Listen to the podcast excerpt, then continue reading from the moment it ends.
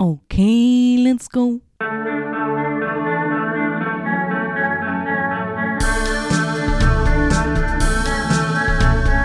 Nicolas Cage podcast.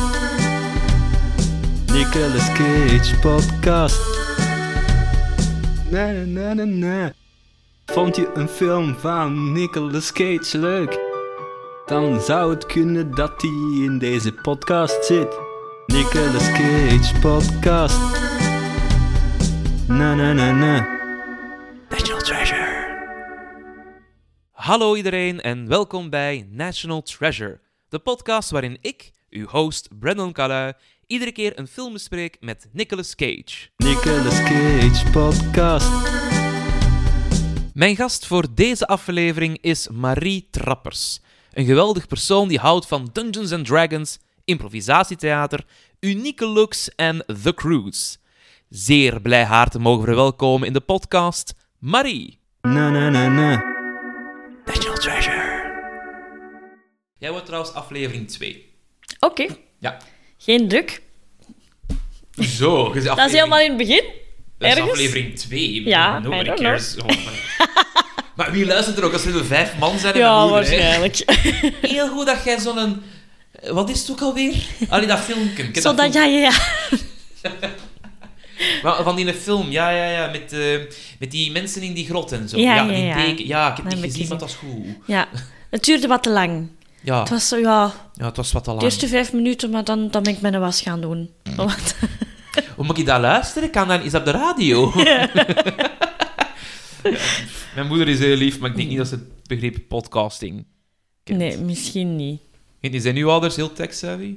Niet per se, maar ze, allee, ze weten wel wat er in de wereld gebeurt op dat vlak. Mijn mama heeft nog heel lang vastgehouden aan zo haar, eh, haar baksteentelefoontje. Ja? Omdat ze dacht, ja, die technologie is er allemaal. En dan heeft mijn stiefpapa haar verplicht om toch een smartphone te kopen. Want het kan niet dat we nu op ons 50 al niet meer mee zijn. Dus nu lukt het terug een beetje. Ik ben heel blij dat mijn vader zelfstandige is. Of was eigenlijk, hè, die is op pensioen. Mhm. Omdat die moest wel mee. Dus als ze zeggen van, ja, hè, ik ga je een Ah. mail sturen en die kon dat niet, ja, die had die pech, hè. Ja, of ik ga je whatsappen of zo, dat die moest mee, hè. Dus dat is iets van, oké, wij waren een van de eersten op de blok die dan een faxapparaat had. ja, dat was iets zo van, echt, het was voor mij precies kerst, hè. Dus die pakt dat uit in het midden van de woonkamer. Ik zit op de grond. Wat is dat? Dat is een faxapparaat. En wat kun je daarmee doen? Ah. Papieren telefoneren. En dan, want wij hadden twee telefoons, eentje voor de zaak en eentje voor persoonlijk, hè, op zo'n vaste lijn. En die had ook een andere nummer. Maar soms gebeurde dat die allebei tegelijkertijd belden. Dus iedereen in het huis wist, oké, als die telefoon gaat, we moeten ons reppen, want dat is de vaste lijn. En zo meteen haakt die in. Ja, ja, Dus ja. wij reppen daar naartoe en soms hoorden wij... Niet aankomen! Dat is de fax! Hadden wij zoiets van... Ah ja, oké. En dan was dat over en dan belde er terug iemand. En wij terug daar naartoe rennen, denken Ja, van, ah, nu is het een mens. Klik, klik. Dat is niet een meneer. Klik. terug afvangen. Oh, faxen. Het is grappig dat jullie daarop getraind waren om zo naar de telefoon te rennen. Bij ons, als die ging, was dat zo... Nee, niet oppakken. Want op ons huistelefoon belden alleen maar verkopers. Oh, is dat? Ja, niemand belde ons op ons huistelefoon. Ja. Maar we hebben hem nog wel. Heb je nog wel een huistelefoon? Om een of andere reden, ja. Wel, mijn ouders hebben dat ook nog, een huistelefoon. Ja. Terwijl nu dat je zo'n formulier moet invullen van wat is je telefoonnummer, je hebt dus zo'n telefoonnummer en gsm. Ja. Ik denk, ja, vul het maar allebei in, het is hetzelfde nummer. Vind mij maar. Ja, Ja, het is verouderde technologie eigenlijk, hè, zo'n landlijn. ja, ja. Ja. Nou, ik vind dat toch. Over verouderde technologie gesproken, we gaan even naar de... hey, wat een segue. Dat, was, dat was heel mooi. Het, het leek voorbereid. Was, was dat? Het was niet voorbereid, absoluut niet. Maar ik zag hem aankomen. ongelooflijk goede impro. Yes, we gaan het hebben eh, over de Stone Age, het stenen tijdperk. We gaan het hebben over The Croods. Ja. Nu, mijn eerste vraag aan u is... zijn jij een filmfan eigenlijk? Wel, dat is een beetje een ingewikkelde vraag. Want in zekere zin wel. Ik kijk heel graag films en zo. Mhm. Ehm, maar het is niet per se hetgeen dat erachter zit dat mij altijd interesseert. Dat hangt heel hard van Ja. film tot film af en zo. Ik heb ook een tijdje film gestudeerd. Ik denk dat ik de student was in die aula die de minste films van iedereen had gezien in die aula. Omdat ik ook gewoon nogal rap getriggerd word soms. Oh, oké. Dus het is zo... eh, we hebben een hele les gehad over filmgenres. En de, Ja. de lessen die gingen over horror en thriller en zo heb ik meer onder mijn bank gezeten dan dat ik effectief naar de films heb gekeken. Ehm, dus het varieert. Ja, want ik weet nog, toen ik jou vroeg voor de podcast, uw bericht was van, ja, tof, lijkt mij leuk, maar Ja. niet, niet te eng en niet te veel dit en dat en hetgeen. Geef maar suggesties. Ik denk, oh, ja, ergens, oh shit, maar ook... Ik ben Ja. een flauw dropje. Dat is, dat is wel zo. ik ben een flauw dropje. Ja, dat is zo. Maar ik dacht, ja, Nicolas Cage heeft zo'n oeuvre. Ja. Daar zit sowieso iets bij. En ik vond dat heel grappig toen ik zei van, ja, anders pakt de Croods. Ja. Dat jij zei, "Huh? zit Nicolas Cage in de Croods? Dat is ook het ding met voice acting. Ik kijk heel graag animatiefilms en zo. Mhm. En vaak als ik die met, met Jeff kijk, met mijn partner, dan is die zo van... Oh, volgens mij is dat die stem. En dan gaat hem die zo als op opzoeken ondertussen. Dat ik denk, maar kunnen we niet eerst gewoon die film zien? En achteraf zal ik dan wel horen en zeggen van... Oh, allee zeg, dat was de die. Ehm, dus ja, ik had daar totaal nog niet bij nagedacht. Ja, nee, ik, ik snap dat. Ik heb dat een tijdje gehad dat ik zei van, ik moet het nog niet weten. ja. Maar ik heb zoveel films nu gezien, omdat ik heb op eh secundair kunstinstituut gezeten en dan kregen wij ook het vak audiovisuele vorming. Ja. En dat bij mij zo'n openbaring van, oh shit, ik kan ook films maken. Ja. En er zijn zoveel andere films. Ik heb echt dan echt zoveel absurde films zitten kijken en, en eh schwungy films. Wat, wat zijn schwungy films? Films zijn van die films dat je denkt van, ik weet eigenlijk niet echt wat het plot is, maar het ziet er wel fancy uit. dus dat is zo aan een schwungy film. Oké. Voilà, verklaring. Nieuw woord in mijn vocabulaire. Check. Voilà, hey, ik moet Shakespeare niet zijn om woorden te maken. Hè. Dat, Dat is waar. Voor mij is daar het zo wat echt begonnen. Ehm, dat nu ik wel iets heb van... Ah, wacht, maar ik ken die stem. Ja. Of, ah, wacht, maar ik ken die acteur. We, we waren aan het kijken, mijn partner en ik, naar eh, de reeks Uncoupled op Mhm. Netflix. Tof reeksje. Oh, Neil Patrick Harris heeft een relatie en die gaat kapot, zonder dat hij weet wat er eigenlijk aan de hand is. Ah. En hij gaat door heel die, die periode van, ja, shit, ik moet eigenlijk een nieuw leven opbouwen, maar ik ben tegen de 50. Dus wat is Grindr, bijvoorbeeld? Oh, oké. Wat is daten als je wat ouder bent? Ehm, het is eigenlijk een soort sitcom, maar dan ehm, meer afgeveild. Ja. Als in, al het vet hebben we niet nodig. We houden het heel strak eigenlijk. En het is zeer gay, wat ik ook heel fijn vind. Ja, dat is altijd fijn. Voilà. Ehm, en het is zeer witty. Ja. Dus tof reeksje. Ah, en daar zat een, een, een man in voor één aflevering. Ik dacht, ja, maar ik ken u. Maar jij bent toch de partner van Neil Patrick Harris? Dus ik tik ook zijn naam in. Ja. Dat is David Blair, Blame, Bloody, iets met een B. En inderdaad, dat was hem. Ja. Dus, maar ik moet, ik moet dat dan weten. Ah, dat ja, moet ja. dan. Ja, soms heb ik dat ook wel, hoor. Als ik zo bepaalde acteurs herken, inderdaad. Ehm, Met dingen was dat, ja, zo het laatste seizoen van Stranger Things. Mm. De, zo de big villain. Ja. Daar had ik al heel het seizoen iets van, Mm. ik ken die, ik ken die, en ik weet niet van waar. En het was zo een heel obscure fantasyfilm voor tieners, die ooit... Echt slecht ook gewoon. Die enge film? Of, eh, Nee, nee, niet per se. Goed, mijn tweede vraag. Ehm, wat is de eerste film in de bioscoop dat je kunt herinneren, dat je die hebt gezien? Spirit. Dat, is- dat- dat dat is mijn... paard. Dat is tot op vandaag, denk ik, een van mijn favoriete films aller tijden. Ik heb die zonder overdrijven al dertig keer gezien. Oh shit. En die blijft even fantastisch voor mij.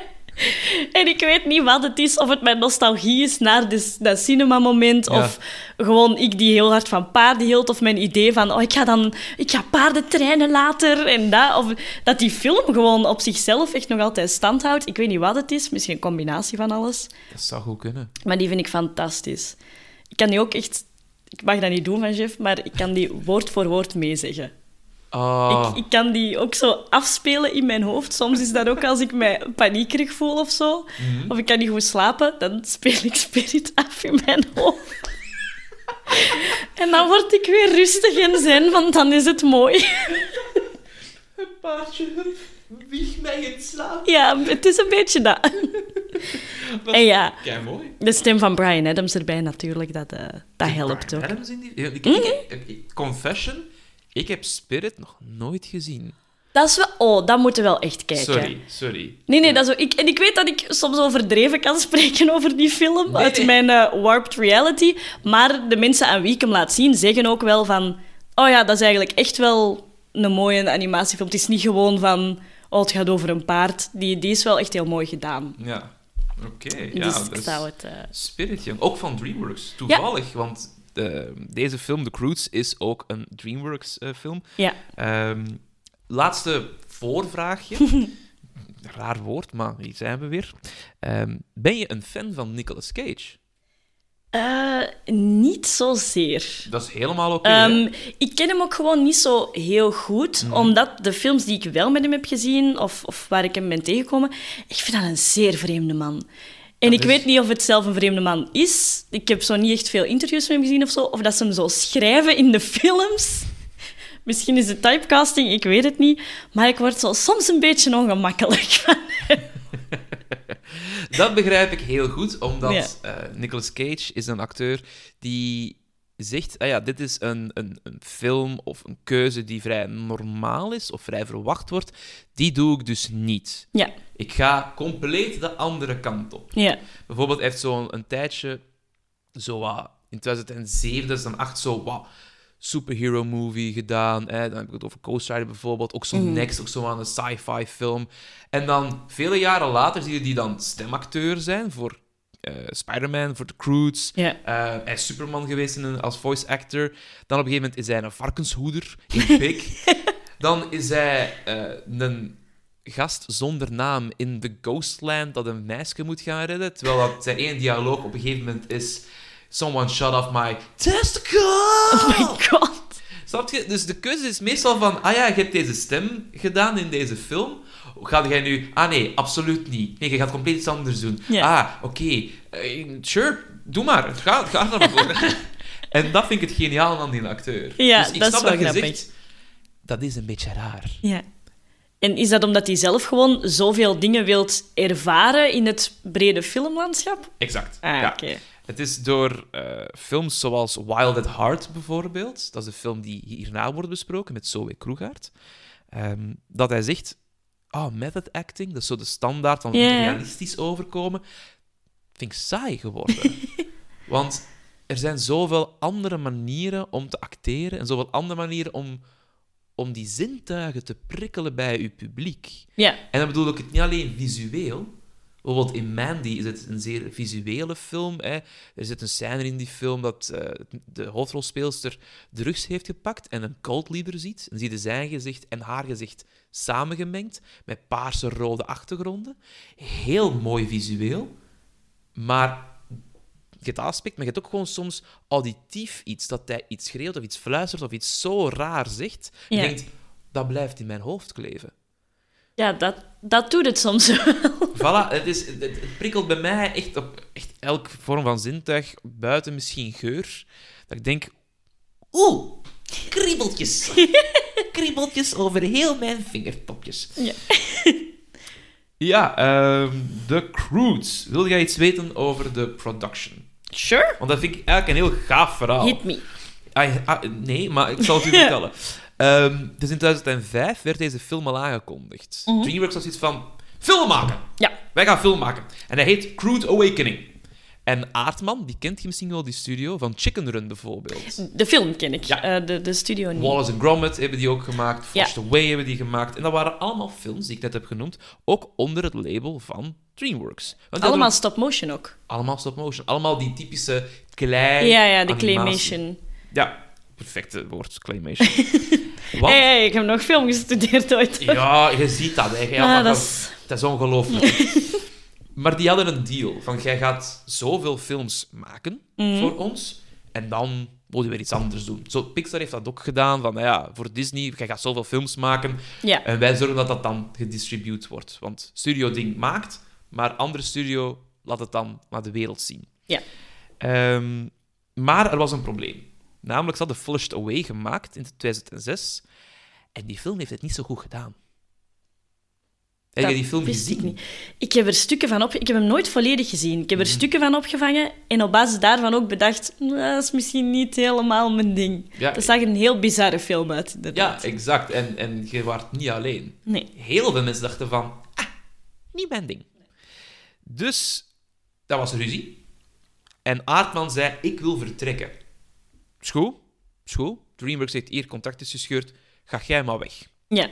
Maar dat idee van die film, van die cave people dat wij willen maken, die blijft wel bij ons. ja. Mijn film. Dat mochten zij niet maken op zichzelf. Oké. Nee, wat hebben zij dan wel gedaan? Ze hebben dan wel een film gemaakt in die periode. Eh allee, over die periode, zou ik eerder zeggen, of de geschiedkundige, geschiedkundige periode. Maar in Nederlands. ja. En die eh, heet Early Man, 2018. Eh, met onder andere Eddie Redmayne.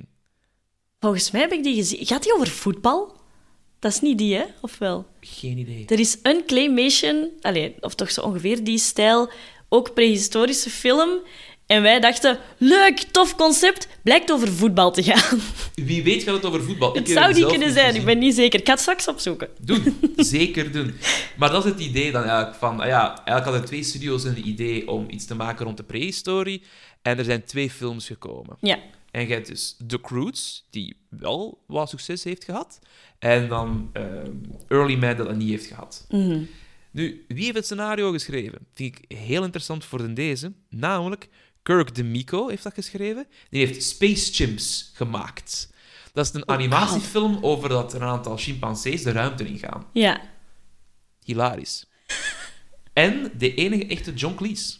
Oh, oké. Ja, dus John Cleese, je kent van Monty Python, heeft samen hebben die een script gemaakt rond de griezels van Roald Dahl. Ja. Die dachten van, oh, zou het niet leuk zijn om daar een film over te maken? Je hebt dat bij DreamWorks neergelegd van, hier, voilà, wat denkt je, gaan we film maken? Ja, niet in deze. Maar we houden wel van jullie schrijfstijl. Je zei spot on bezig met jokes en met innuendo's. We love it. We hebben een aantal projecten allee, op de plank staan. Neem eens een kijkje en zeg eens wat dat je tof vindt. Ja. Zo het idee van een circuskraam van allee, van de bovenste rij moet ik er kiezen. Ja, ja, ja. Ja, en zij zeiden, ah, je hebt iets rond eh, de prehistorie. Dat doen wij. Ja. Dat gaan wij doen. En dus die hebben dat gedaan.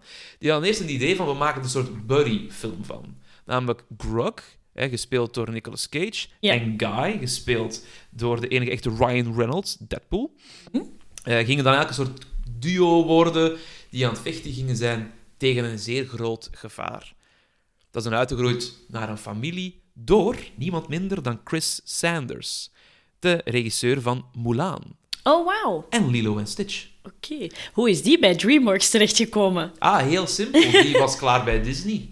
En die zei van, ik wil niet meer werken met jullie. Het is op. Ja. En ja, dan gaat naar de grote concurrent, hè. Dat is de slimste stap dan, ja. Ja, weet je trouwens hoe dat DreamWorks ontstaan is? Nee. Dus Als dat- aftakking van Disney, of wat? Ja, eigenlijk wel. Dat waren, ik weet zijn naam niet meer, maar dat was een animator die ja, zijn films niet mocht maken. En dan zo tegen wil en dank heeft hij zo, wat was dat? Eh, Aladdin gedaan, Mm. echt zo die hele renaissance gedaan. Ze zei van, ja, maar ik wil mijn film ook kunnen maken. Nee. Ja. Zei hij, weet je wat? Fuck you, ik ben weg. Ik, ik doe het zo à la Futurama geweest. You know what? I'll make my own animation studio. With blackjack and hookers. You know what? Forget about the animation. Die heeft dat gedaan, die heeft DreamWorks opgestart en gezegd van, en nu gaan wij films maken. Punt. En het ding was, die wisten eigenlijk al goed van, ja, er zit wat in de pipeline. Want. Pixar kwam dan ook, hè, bijvoorbeeld Bugs Life, Ant Bully, of Ants, sorry, Ants is dan zo Ja. hetzelfde eigenlijk. Ook een heel rare film. Sowieso, sowieso. Dus dat is dat eigenlijk. Gewoon zeggen van, ah, wij kunnen ons ding niet doen, fuck you, wij doen het toch wel. Mhm. Hier is een studio. Ja. Ehm, ja, het is dat. Het is eigenlijk zo een combinatie van allemaal toevallige partijen die dan plots samen zijn geraakt om... Ja, inderdaad. Grappig. Zo van, we hebben een idee voor een Cave People verhaal. Ah ja, maar jij zit al weg. Ah, er komt weer een script aan voor een Roald Dahl film. Dat gaan we niet doen. Maar kijk een keer anders wat we hebben liggen. Ah, ehm, dat is een 7 komt Chris Sanders, een regisseur van twee hele goede films. Zeg, er jij geen zin om een filmpje te maken over Cave People? Goh, ja, eigenlijk wel. Ah, wel, zitten we een keer aan tafel. We gaan dat keer doen. En dus ehm, Kirk DeMico, hè, die dus het scenario deels heeft geschreven, en Chris Sanders hebben samen deze film geregisseerd. Ja. Nu, de film is twee keer uitgesteld wel, in die periode. Ja, Chris Sanders die moest een andere productie van DreamWorks opstarten. How to Train Your Dragon. Oh, ja. Ja, niet... Heb je die gezien? Ja, ja, ja. Daar ben ik, daar ben ik wel grote fan van, van die is films. geweldig, hè? Ja. Dat is keigoed. Prachtig. Hele grote franchise. Dus dat is ook van Din Dude. Dus die heeft Mulan gedaan, Lilo en Stitch, The Crude en How to Train Your Dragon. Ja. Ja, kip met gouden eieren, hallo. en dan kreeg de film nog een keer een duw, want productie liep wat uit. Ja. En uiteindelijk, 22 maart 2013, is de film eindelijk daar. Tada! Nu, ik realiseer mij net, wij hebben de film gezien. Ja. Maar misschien, beste luisteraar en beste kijker, heb jij die film niet gezien en denk jij van, wat is dat met die film? Ja. Dus We zijn de hele tijd over iets super, super vaag bezig, want de titel geeft eigenlijk ook niet zoveel mee. Exact, exact. Dus ik ga even een kort eh, intro improviseren. Oké. Ja, ik heb niet opgeschreven, maar nee. Namelijk. Vertel maar, Oh, er al Brandon. kei mooi klaar van. Vertel mij een verhaaltje, Ja. Brandon. Doe het maar.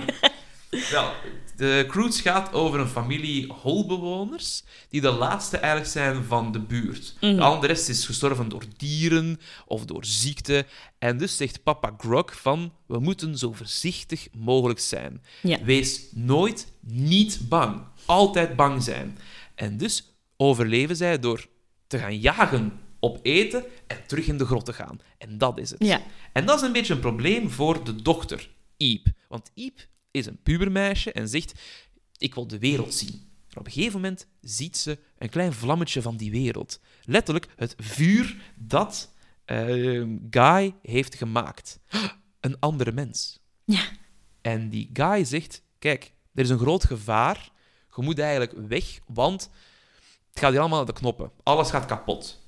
Hup, Grug komt daar naartoe, heeft hij pijn gedaan? Wat is dat hier allemaal? Vlug in die grot. Ja. Uiteindelijk hebben ze daar ruzie over, buiten de grot, en alles stort in. Hun grijze, grauwe wereld van de grot en daaromheen is kapot. En ze zien een hele nieuwe wereld, vol planten en mysterieuze dieren. En eerst zijn ze heel voorzichtig van, wat is dat? Wacht, niet bewegen, niet doen. Ze komen terug Guy tegen en eerst denken ze, wat zeg jij? En wat is die brandende zon dat jij mee hebt genomen op uw tak? En blijkt dus dat Guy uitvindingen doet en ideeën heeft en zo eigenlijk de hele familie meepakt richting een berg. Want daar zouden ze veilig zijn. Ja. En ondertussen krijgt Grug steeds het idee... Ja, ik ben hier de mindere man. Want ik heb geen ideeën. Ik heb geen hersenen. Ik heb spierballen. Jij hebt dat wel, blijkbaar. En er ontstaat een frictie tussen die twee en de familie leunt meer en meer naar Guy's kant. Ondertussen wordt Iep smoor verliefd op Guy. Uiteraard. Ah ja, Ah ja, want het zijn pubers. het zijn pubers, allebei. En ik vind het ook wel grappig, Guy lijkt alsof hij een jeansbroek aan heeft. Ja, vind ik heerlijk. Ja. Hij heeft ook een riem, Guy, in de vorm van een luiaard, een sloth, Ja. eh wiens stem gedaan wordt door Chris Sanders. Ik wist niet dat hij een stemacteur nodig had, maar hey, there you go. Hey, geluiden maak je soms ook met je stem, dus I guess. Ik vind het ook grappig dat de regisseur zegt van, ik een stem doen? Ik snap dat wel. Ik zou ook zoiets hebben van, zeg, ik ben dat, heel dat spel hier wel aan het regelen achter de schermen, maar mag, mag ik ook niet een beetje op de planken staan? Voilà, snap je dat wel? Maar ik vind dat wel grappig. Van, ja, we hebben een stemacteur nodig. Ja, Allee, dan doe ik dat ook maar. wel een beetje. en uiteindelijk komen ze bij een hele grote scheur in de aarde. En Grug gooit al zijn kinderen en, en Guy aan de andere kant en zijn schoonmoeder. Want ja, hij wil die veiligstellen en hij blijft alleen achter. Ja. Het idee is dan eigenlijk van ja, Heel hard mee geweend, trouwens. oh, ik ook. Ja. Ik vond dat heel triest. Ehm, maar uiteindelijk heeft Grog een idee en komt toch aan de andere kant en kan hij met zijn familie die nieuwe wereld wel goed aan en gaan ze gezamenlijk samen verder rijdend op zijn sabeltandtijger naar de zon. Ja, met een, met een hele hoop nieuwe huisdieren waar ze vroeger bang van waren, Ja. en nu niet meer. Ik vind dat, ja, ik heb, ik heb ook echt zitten huilen bij dat moment Ja, in de film. Ah. Ja, want eh, op een gegeven moment in de film vertelt eh, Guy van, kijk, uw dochter en jij, Grug, lijken keihard op elkaar, maar je moet vaker I love you tegen elkaar zeggen. Mm. En hij zegt dat dan. Zij zegt het niet terug, want ze worden onderbroken omdat de aarde uit elkaar scheurt. Ja. En dan denk je van, oh shit, ze heeft dat niet kunnen zeggen, ze zijn uit elkaar. En uw hart doet zo'n kleine krak. Ja, Ja, ja dat is ik. heel triestig. Ja, dat is... Het is wel mooi. ja. Eh, wat was dat? Is dat uw favoriete moment eigenlijk in de film? Of zeg je van, goh, ik vind nog een ander moment Nee, beter? ik denk het wel, omdat ik dat heel sterk vond en onverwacht ook. Dat, dat is hoe ze het eh, hebben opgelost. Ik vind het alleen langs een kant ergens jammer dat ze uiteindelijk herenigd worden. maar dat is denk ik ook gewoon mijn volwassen brein die het altijd knap vindt als series en films durven om zo'n grote keuzes te maken. Hmm. En ja, dat was misschien een te rare verwachting van een kinderfilm, uiteraard. Want het feit dat ze herenigd worden is ook heel mooi en zo. Maar Mm. Ik weet nog wel dat dat dan breekt, hè, dat de familie daar staat en beseft van...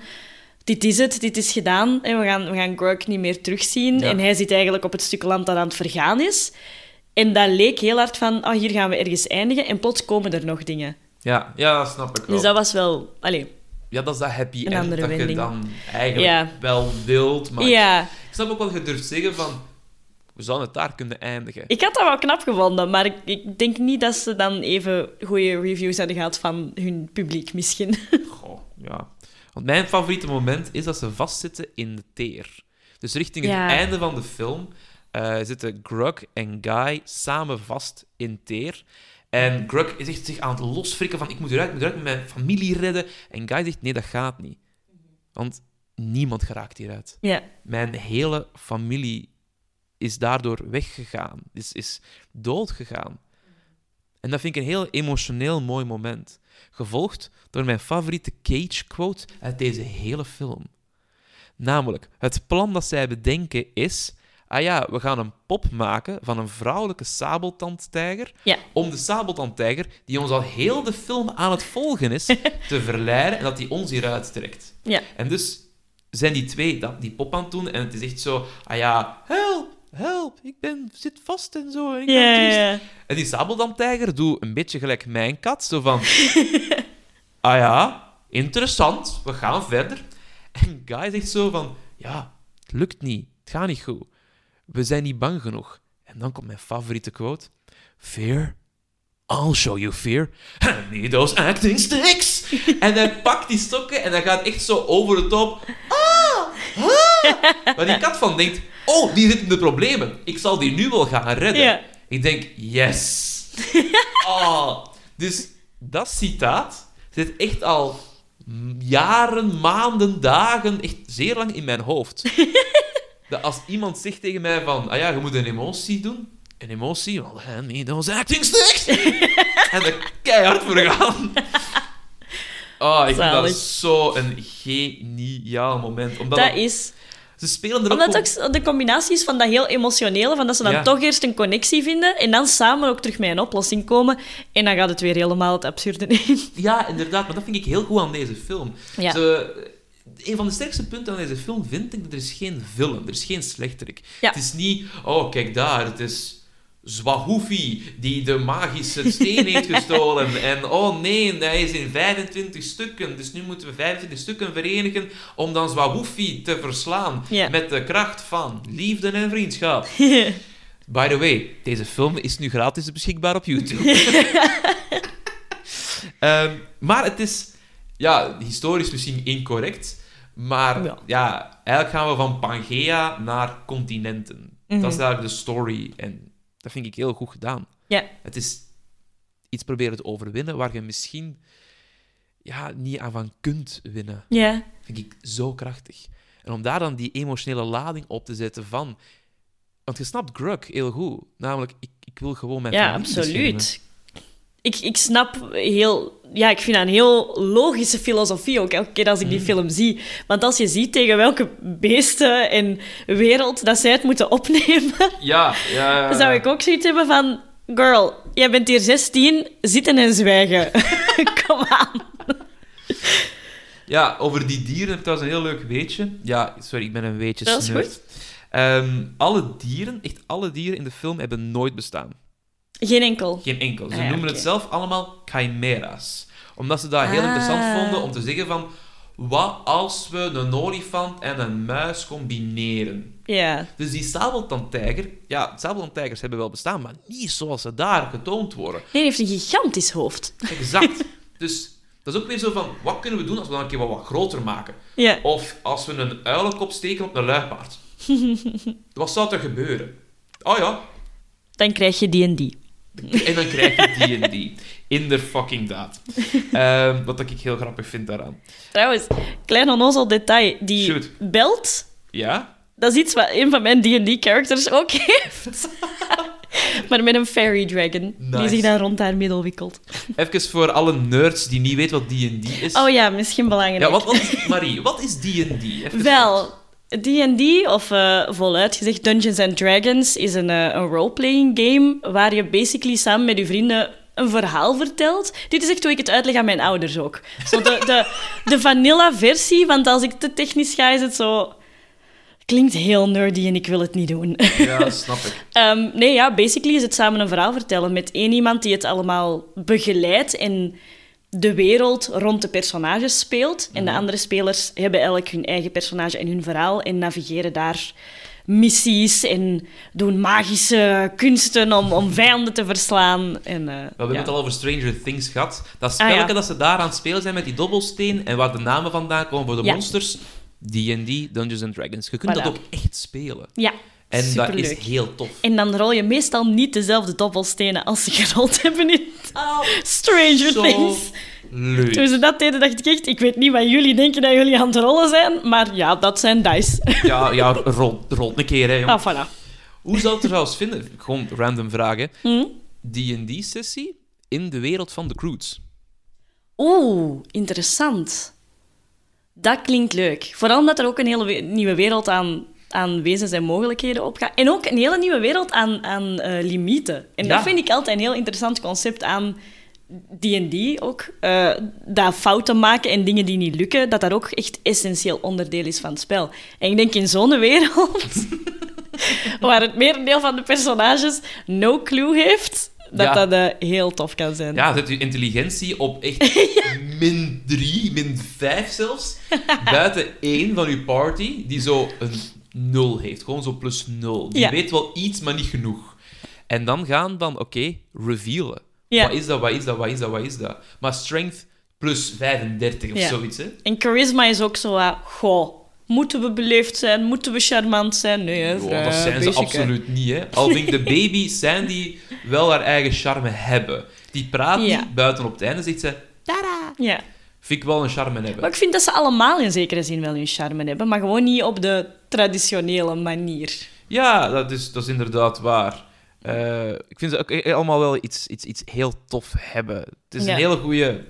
Heel goed samengesteld, inderdaad. Je hebt dan bijvoorbeeld de zoon. De zoon, eh, door Clark Duke gespeeld, is Thunk. Ja. Dat is zo wat een, een, een domhoor en niet al te snugger, maar wel super lief. Ja. Die heeft echt het hart op de fucking juiste plaats. En die wil gewoon goed doen. ja. I love that. En alles is ook prima voor hem. Zo, ah, doen we dit nu? Oké dan. Ça va. Is allemaal goed. Dat is oké. Dan heb je eh, de vrouw, eh Uga Groot, gespeeld door Catherine Keener. En die heeft het minste te doen, maar die is meer van... Ik ben er voor mijn familie en ik support ze. Ja, she's my favorite, though. Ja? Om die reden. Omdat ze zo inderdaad er zo wat bijloopt, verhaalgewijs. Maar je merkt in bepaalde hele kleine zinnetjes in scènes dat zij inderdaad vooral bezig is met gewoon zo een mooi evenwicht in haar gezin te zoeken. En want er is op een gegeven moment, dan zitten ze terug in de grot. En dan is de broer of de papa zo bezig van ah, waarom moet Iep altijd apart gaan liggen? En zegt, Ja. nee, nee, dat is die periode in haar leven. Zij heeft nood aan haar eigen rots. Ik vind dat prachtig. Dat is ook een heel goed advies, eigenlijk. Ja. hè? Ja, maar soms heb je gewoon echt nood aan je eigen rots. Ja. Oké. Ik ga dat spreekwoord incorporeren in mijn Oh. dagelijks leven. Ik, ik heb even nood aan mijn eigen rots, schat. Sorry. Nu niet. Wat bedoelt je ermee? Eigen rotstijd. Ja. Eigen rotstijd. Eh, Let op die van u. Je hebt uiteraard Eep, gespeeld door Emma Stone. Ik vind dat... Op een gegeven moment, in het begin van de film zit er een heel mooi shot van haar personage. Dat ze aan de muur hangt van de grot. En je ziet de zon ondergaan en ze strekt haar hand uit en je ziet... Oh, Daar die zon. Ja, dat is heel mooi. Doe mij ook heel hard denken aan Pocahontas. Waar ook Ja. veel van zo'n poëtische beelden in zitten. Het deed mij ook denken aan Pocahontas en een beetje aan Titanic, maar dan zonder de Oh. dude. I'm the king of my cave! Yeah. Eh, wie hebben we nog? We hebben ook nog Graham, gespeeld door Cloris Leachman. Ik vind die geweldig. Omdat die zonder bullshit aan het gaan van... Kijk, ik vind u niet tof, Maar je zorgt wel voor mijn dochter en voor mijn familie. Het is goed genoeg. Ja, want ik moet zeggen, zo de, de mop van... Oh, mijn schoonmoeder is zo overplayed en zo vaak gedaan. Maar in deze film vind ik het terug zoiets fris en charmant krijgen, omdat inderdaad die dynamiek er zo tussen Ja. zit. Van, we vinden elkaar eigenlijk niet leuk, maar we appreciëren mekaars rol ook wel. Het is dat, ik vind de joke ook allee, bij heel veel films uitgespeeld. Ja, ik, ik kan daar ook niet zo goed tegen, want ik vind mijn schoonma echt de max. Ja. Dat is echt een geweldige Same. vrouw. Voilà, ja, maar dat zijn echt gewoon kei toffe mensen. Dan denk je zo, van, oh, je hebt gewoon geen goede schoon, maar probeer Ja. een keer iets. Maar in deze versie, ik kan het wel smaken. Vooral bij het Ik ook. tellen. Dat hij zo gaat van, oké, 1, 2, 3, 4, 5, 6. Ze leeft nog. Trouwens, wilde jij een weetje weten over het tellen? Sure? Nu, ehm, veel mensen denken misschien van, ah ja, dat is niet historisch correct, zoals heel veel dingen in deze film, Mm. want die kunnen dat niet tellen. Maar antropologisch is dat wel het eerste soort mensen dat ze hier tonen, zo cave people, die dat gebruiken, wiskunde, als een survival tool. Oh. Ja, die konden dat echt. Dus die telden alle mensen van hun clan of hun groep of hun gezin om te weten hoeveel monden moet ik voeden en dus Ah. hoeveel moet ik gaan jagen om die te kunnen voeden. Dus, dus het was niet per se om te zien van wie is er achtergebleven. Het was meer van hoeveel werk moeten we nog doen. Ja. De, de, allee, ze zeggen het hier, de, de alpha-male, dus het gezinshoofd, hè, Croc in het geval, doet dat dan meestal om te gaan van wie leeft er nog Ja, ja, ja. en wie moet ik eten kunnen geven.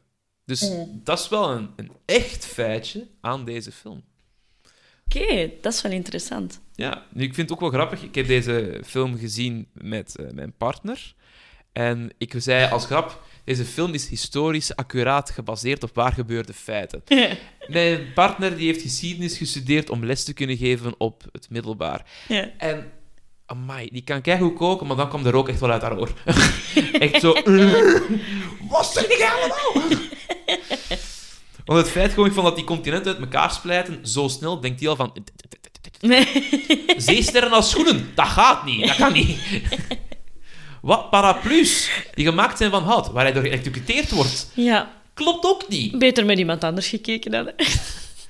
Ja, maar ik kijk al zoveel films alleen, want mijn partner is het wat beu om te gaan van... Gaan we een film kijken? Ah, welke heb je... Is het met Nicolas Cage? Ja. Kijk hem op jezelf. Dit project gaat de downfall van jullie relatie. Dat zou heel triest zijn. Het erge is, de laatste twee afleveringen zijn specials. Dan ga ik eh, National Treasure 1 en National Treasure 2 Book of Secrets Ja. bespreken met een vriend van ons en met Lauren zelf. Dus ik denk dat daar de relatietest zal, zal ontstaan. Van één, ik heb de twee films gezien. En twee, we gaan er nu over praten. Ja. En dan drie, hopelijk zie je mij nog graag genoeg dat je na deze podcast met mij nog iets wilt te maken hebben.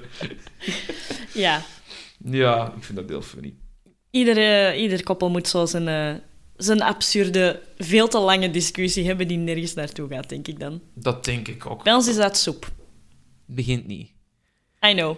Ja, kijk, heel kort.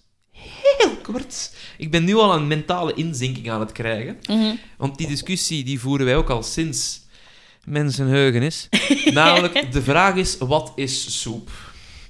En er is geen antwoord op te vinden dat eigenlijk oké is. Maar ik vind van wel, maar ik heb al gemerkt dat het merendeel van de mensen met wie ik die discussie voer het niet met mij eens is en mij bestempelt als soeppurist. Maar dat is een titel, dat is een titel die ik met veel dankbaarheid aanvaard. Ik vind het prima en ik vind dat ik gelijk heb. Nu, beste luisteraars en beste kijkers, denkt jij van, wacht, wat, soep?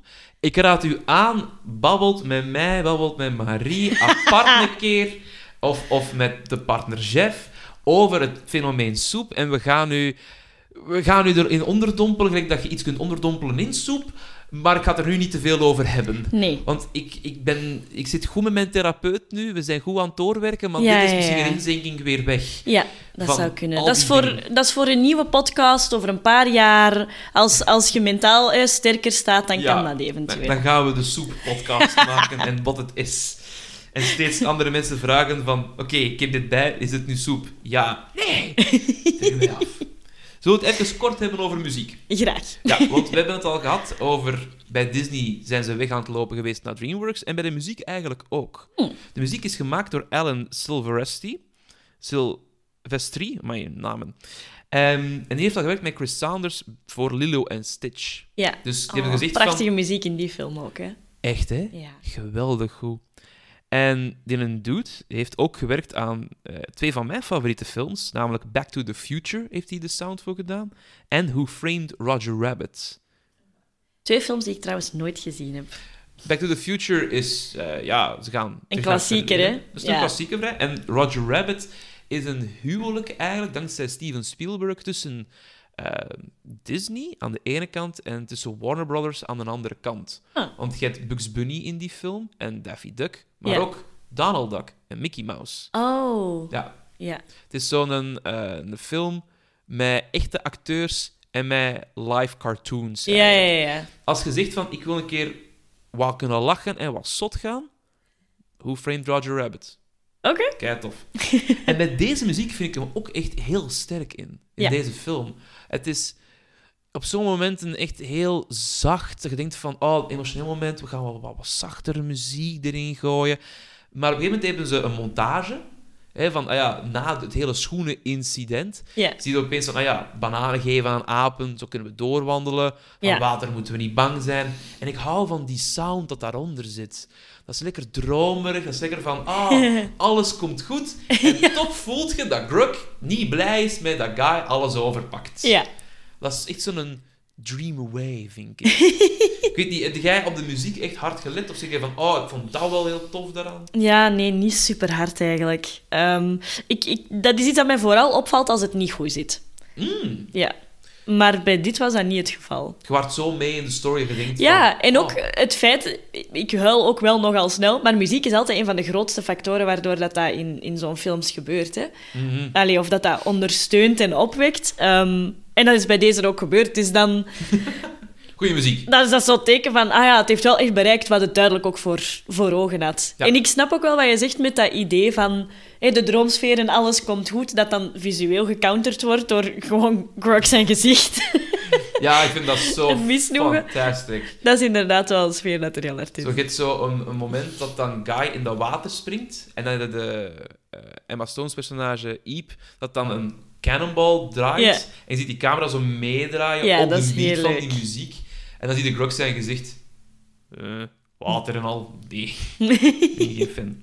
Er zit trouwens een ja, unique song in Ehm, namelijk, wat tussen haakjes? Het is een unique song. Ehm, Shine Your Way van Owl City en Yuna. ja. Er werd die, allee, zeker in die tijd, ik denk ook zo'n Garfield-film van die tijd, dat ze vaak zeiden van tegen een band: hey, maak eens een song voor deze film. We zetten die dan wel in de credits. Maar de clip, die gaan we dan ook maken. ja.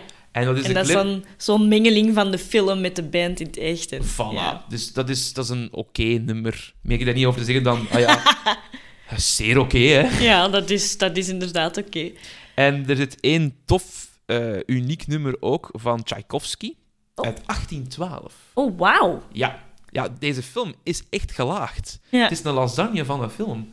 En in welke zin is het nummer van Tchaikovsky uniek? Dat dat nog nooit gebruikt is voor een of andere Nee, het is productie? gewoon, ja, het is de originele song. Daarmee Ja. dat het een uniek ding is, want ja, daarvoor had niemand dat gemaakt. Ja. Maar het is niet uniek dat ze het hebben gebruikt. Ah, Absoluut niet. Nee, het is... ehm, op een gegeven moment eh, zijn ze met vuur aan het ontdekken, de hele familie. En Grug zegt tegen zijn zoon Tank, die wat vuur op zijn gat heeft, van, weet je wat, loopt anders in dat droge gras een beetje. Ah, ja, ja. Dan gaat dat wel weg. dus ja, wam, alles staat daar in vuur en vlam. En ze rennen tegen een aantal planten, zo grote maiskolven eigenlijk, en die schieten de lucht in Ja. vuurwerk. En dan komt dus dat stukje van Tchaikovsky uit 1812. Ja. Van... Familieland neer. Wauw, dat was uniek. Ja, en mooi. En ruikt lekker. Zoals eten. Popcornregen, bam. Ik vind dat zo grappig dat ze met zo'n elementen ook spelen van... Ah ja, popcornregen. Waarom niet? Ja. Laat ons dat doen. Eh, nu, ik weet niet of dat bij u ook zo is. Wat ik altijd tof vind, is hoe langer dan een film mij kan meepakken, hoe beter. Wat bedoel ik daarmee? Als je in je credits ook aan het spelen bent. Ja. Dat vind ik altijd heel tof. Ja. Zo, Disney kan dat keigoed. Een aantal films steken dan meestal zo een muziekje eronder. Maar bij The Croods zijn ze ook weer een stap verder gegaan. Mhm. Wat hebben ze gedaan? Dus het logo van DreamWorks, hè, die maan en dat jongetje dat aan het vissen is, dat begint als een klein vlammetje dat zo richting een muurschildering gaat, die dan wordt weggeblazen. En dan denkt je van, oh, ik zit er al in. Ja, Want wat komt echt- daarna? Het verhaal van, hey, wij zijn de Croods, ook als muurschilderingen. Dus je Mhm. zit er al in. Love that. Ja. Dan, op een gegeven moment, eh, komt dan de introductie van alle personages. Namelijk, ze komen één voor één uit die grot. Hé, jij moet naar buiten komen. Jij je moet wachten op je teken. Zoon, komt naar buiten. Maar ik heb het teken niet gehoord. Kom naar buiten. Doe het teken. Ah, Oké, ik heb het teken gehoord. Tak. Ja. Zo komt iedereen naar buiten. Dus je krijgt een hele mooie introduction. Maar je weet eigenlijk nog steeds niet wat de titel van de film is. Mhm. Tenzij je weet wat de titel van de film is. Ja. En dus begint Nick te gaan. Breakfast formation. I want to see some real caveman action out there. We do this fast. We do this loud. We do this as a family. And never not be afraid. En tijdens dat stukje komt dan op het dak de letters van de Croods Ja, te ja, vallen. ja. En hup, we zijn vertrokken. Ja. Kijk hoe. ja, dat is een heerlijke intro. Zit er ja. Die begint al met een smile. Ja. Let's go. Op het einde van de film, als we het dan hebben nog over muziek, Belt zingt steeds hetzelfde nummer. Ta, ta, ta. Ah, ja, ja, ja. Ja, Dus ook op het einde van de film, als zo The End komt, ja, ja. ja. en er dan Belt die komt en de kleine baby Sandy, die dan samen zo... Ta, ta, ta. Heel mooi. Ja. Oh, fantastisch. Ik weet niet wie Belt of de baby was, maar Je mocht kiezen. Gender is een construct. true. Voilà. En dan op het einde van de film heb je dan heel veel, nog, nog zo'n keer grotstekeningen eigenlijk van hoe ze verder aan het groeien zijn. Ja. Hè, ehm, de Grug leert een das strikken. Ze zijn eh, matten aan het uitkloppen dat op hunzelf hangen, maar dan met meer mensen eraan. De Mhm. diertjes krijgen ook een functie. Dat vind ik kei tof. Ja.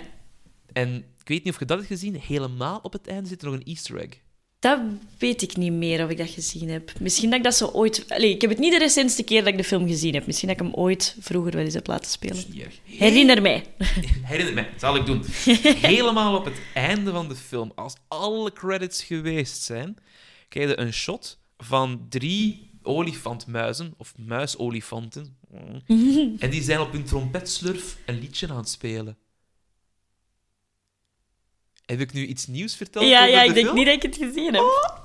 Dus dat is een reden om een keer terug te ja, kijken. eigenlijk. dat ga ik opzoeken. Dat zit echt zo helemaal op het einde. Echt zo Marvel-gewijs, van ik moet blijven kijken. Voor zes seconden, dat die gewoon zo... op hun snulf aan het doen zijn. Maar ik vond dat zo schattig. En dat is geen deuntje dat nog terugkomt in de film ook voor de Nee. rest. Nee, dat is gewoon...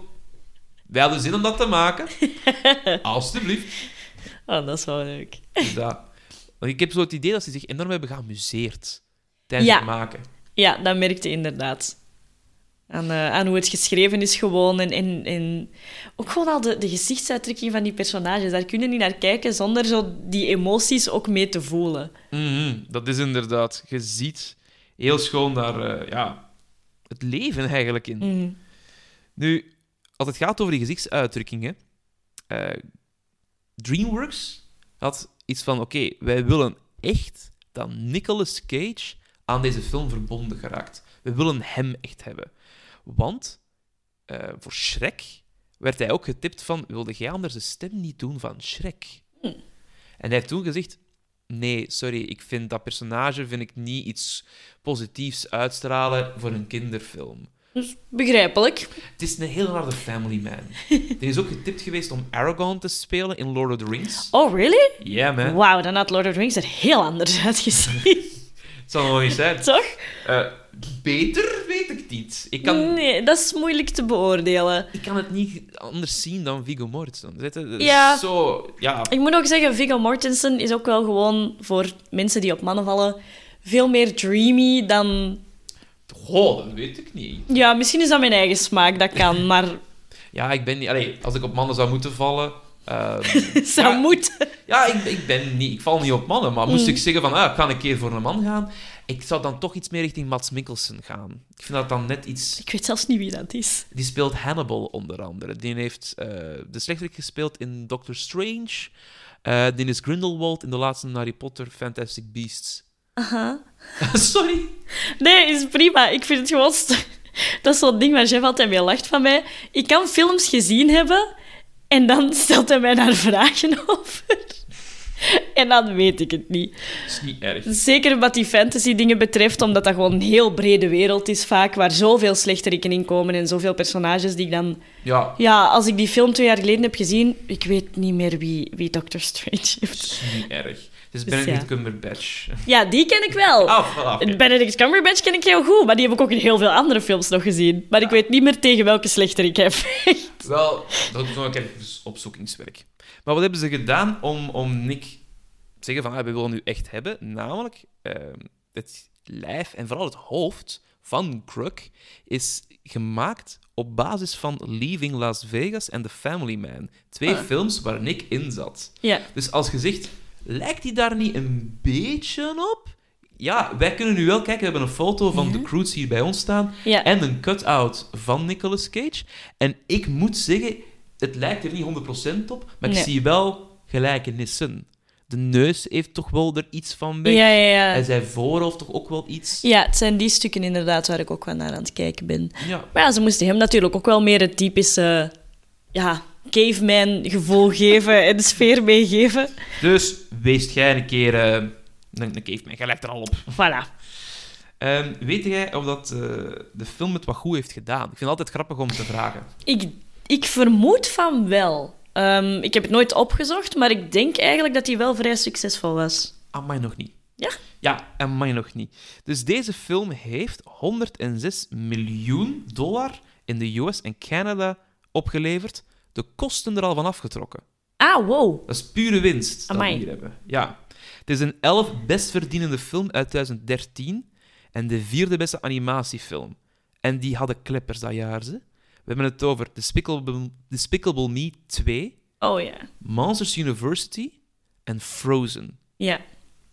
Fucking Frozen kwam uit in... Ik vind het ook een toffe film, hè.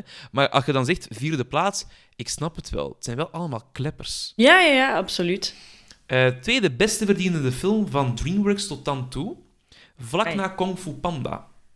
Oh, oké. Vind ik ook wel verrassend om te horen dat dat de, allee, een van, dat, dat de best verdienende film was. Nu, qua franchise van DreamWorks is het niet. Eh Nee. allee, want Cruise is een franchise geworden. Er is een sequel en er zijn twee reeksen van gemaakt. Mhm. Ehm, ja, omdat ze zoveel vertrouwen hadden in dat product. En het is ook een, een tof filmpje. Ja.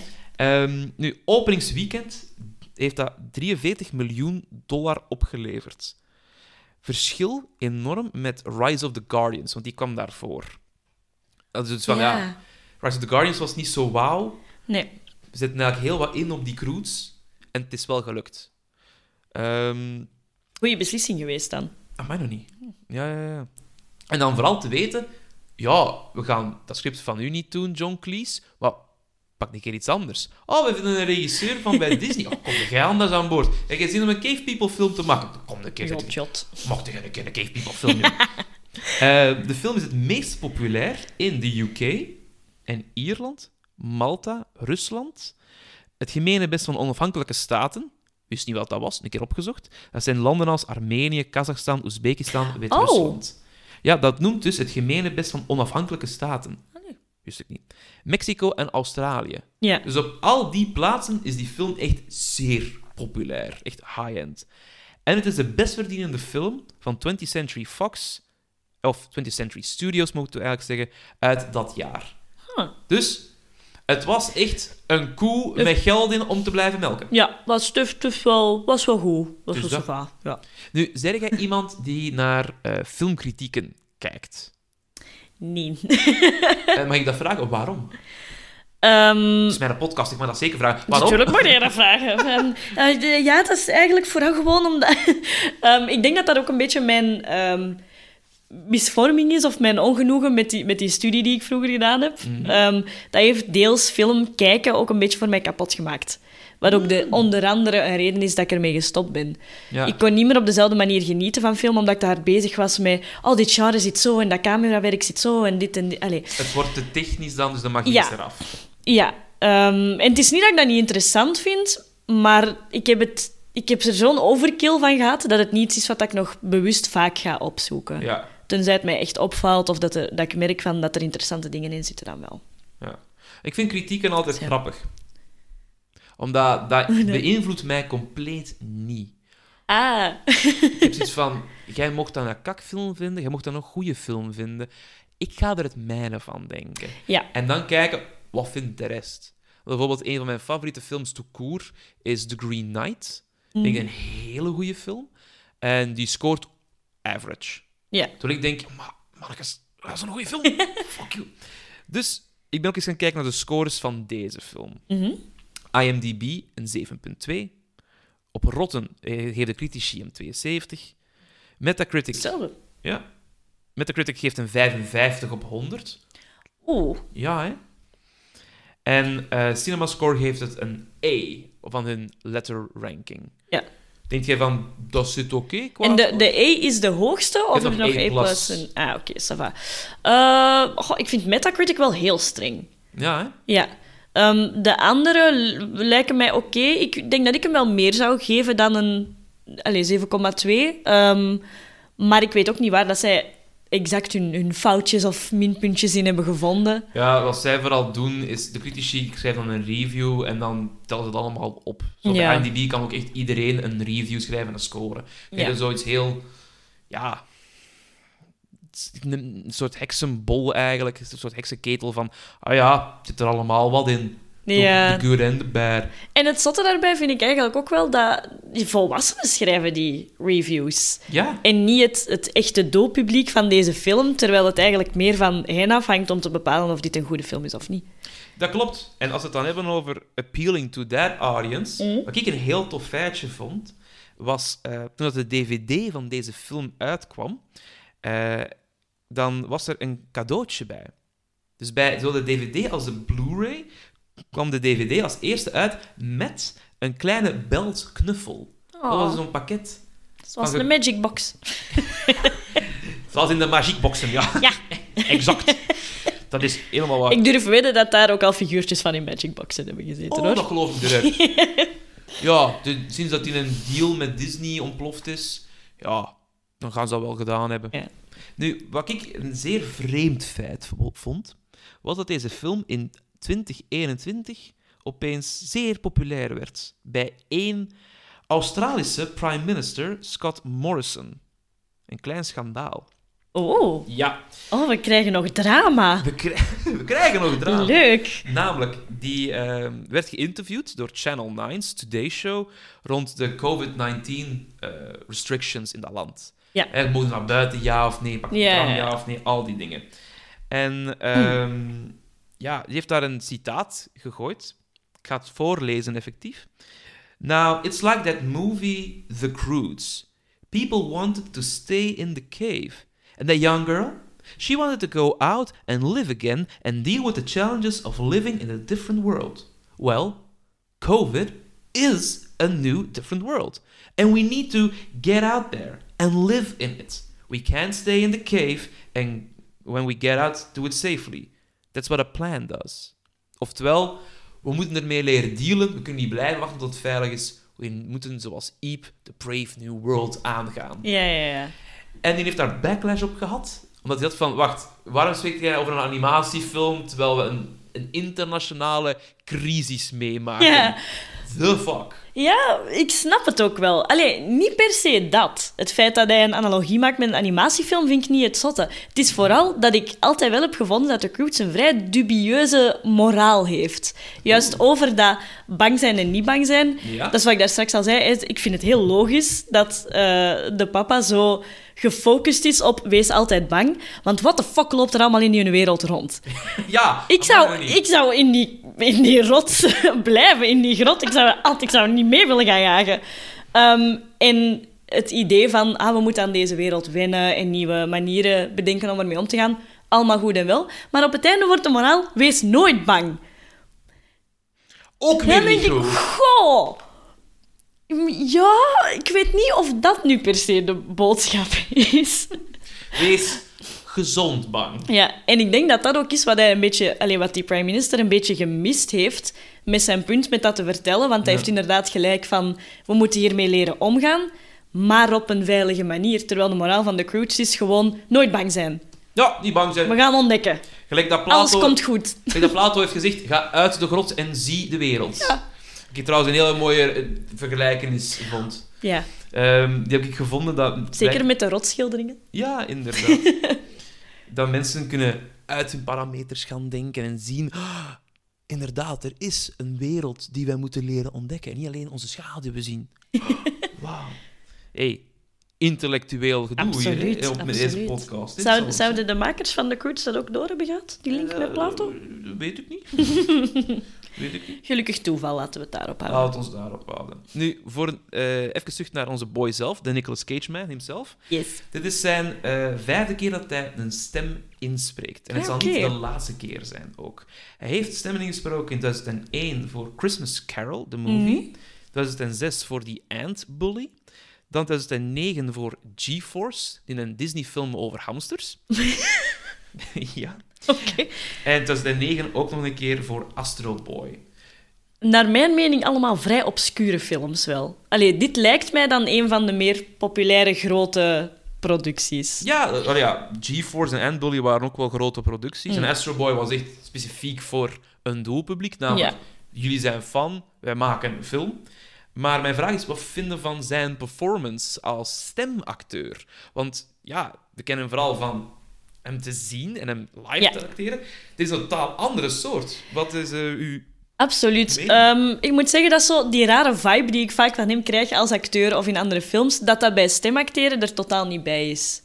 Ehm, dus misschien dat het visuele daar wel een grote, grote rol in speelt. Maar ik heb daar op zich echt niks op aan te merken. Ik vind, ik vind dat zijn stem heel goed bij het personage past. Ja. En inderdaad, zo die, die rare quotes die hij hier en daar heeft, Ja. die geeft ook echt de juiste schwung om het dan terug daarover te hebben. Kijk, goed.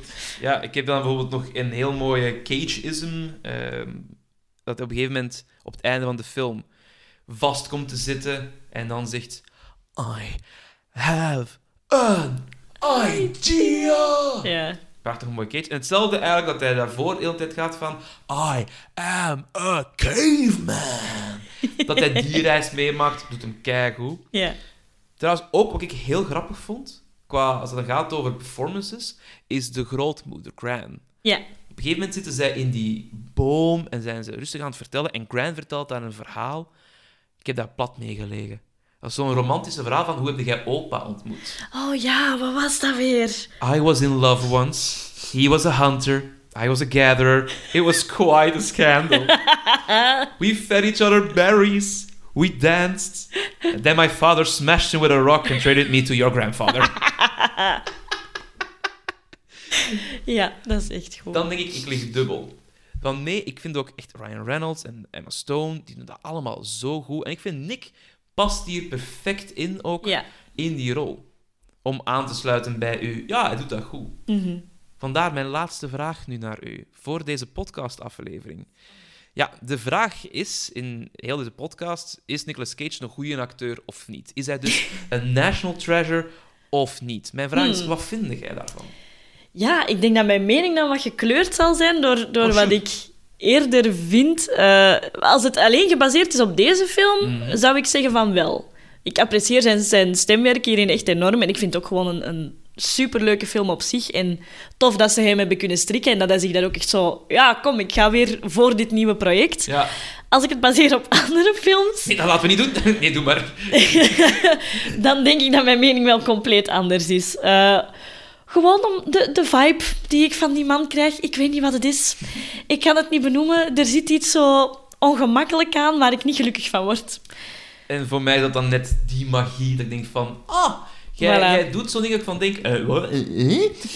En dat, ma- ma- dat fascineert mij dan. Maar je hebt helemaal gelijk, hè. Je, je mening doet er echt toe. en als we het hebben over enkel de Croods, inderdaad, dan is hij een, een national treasure. Ja, dan heb ik ja, Ja. een heel duidelijk antwoord. Anders dan is het wat meer controversieel. Dat snap ik. Marie, een dikke merci om dit te willen doen. Om met mij te praten over Cave People, de film. Graag gedaan. Ehm, de volgende film die ik ga bespreken is Wild at Heart, een David Lynch film met Nicolas Cage. Heb je die toevallig gezien? Nee. Wel, Marie... Ik ben een superhandige gast om bij deze podcast te hebben. Nee, dat is toch goed? Dan, dan kan ik zeggen... Ja, jij kan wel alles vertellen wat je wilt, want ik weet het niet. Zeg maar. Het is een hele toffe film, dat kan ik u zeggen. Maar wat ik u dan vooral wil aanraden is om de aflevering van Wild at Heart zeker te luisteren. Mhm. En de film dan te kijken, want dan weet je veel over de film en heb je een nieuw stuk cinema gezien. Uw trauma van uw filmstudie gaan we proberen te vermijden. Dat zit dan in een leuke podcastvorm. Ja, Kijk, dat is, dat is mijn eigen probleem. Ik moet daar doorwerken. ik ben op zoek naar een nieuwe psycholoog. Komt helemaal in orde. Komt helemaal goed. Dit was het voor deze keer. Ik bedank graag Jeff Jacobs en Naomi van Damme voor de intro, Megan Kremers voor het artwork en u om te luisteren. Graag tot de volgende keer when we will capture lightning in a cage. Nicolas Cage podcast. Na na na na. National treasure.